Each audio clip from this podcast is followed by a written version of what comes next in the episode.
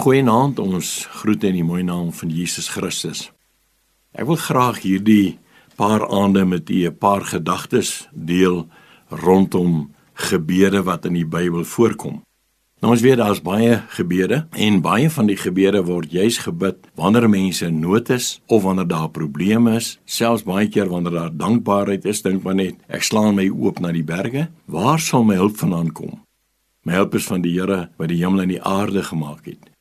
Dink aan Psalm 150 wat sê: Loof die Here met die siter, loof hom met die harp, loof hom met die klinkende simbaal, laat alles wat asem het die Here loof. In 1 Kronieke 4 vers 9 lees ons van die Jabes gebed. Nou die Jabes gebed praat juist daarvan dat sy moeder hom in smarte gebaar het. Maar ons sien hy bid.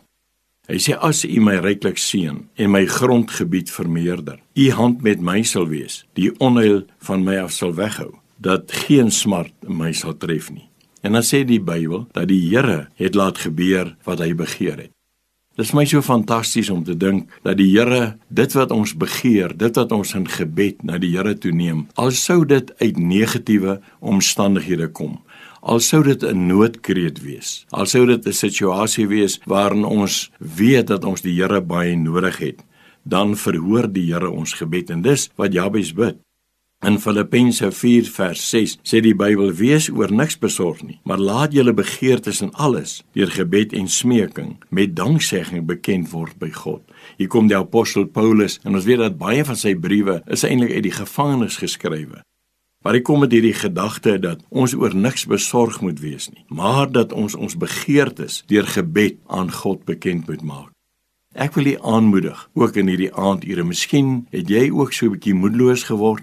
Miskien was dit 'n moeilike dag wat jy ervaar of beleef het, maar dat jy vanaand ook kan onthou dat daar waar jy nou is, jy ook jou versoekskrif na die Here toe kan bring. Dat jy vanaand ook jou begeertes na God toe kan bring en dat jy jou bekommernis kan wegpak en sê dat ek gaan nie toelaat dat hierdie bekommernis my lewe verwoes nie, maar ek gaan die Here vertrou sodat hy my kan deurdra.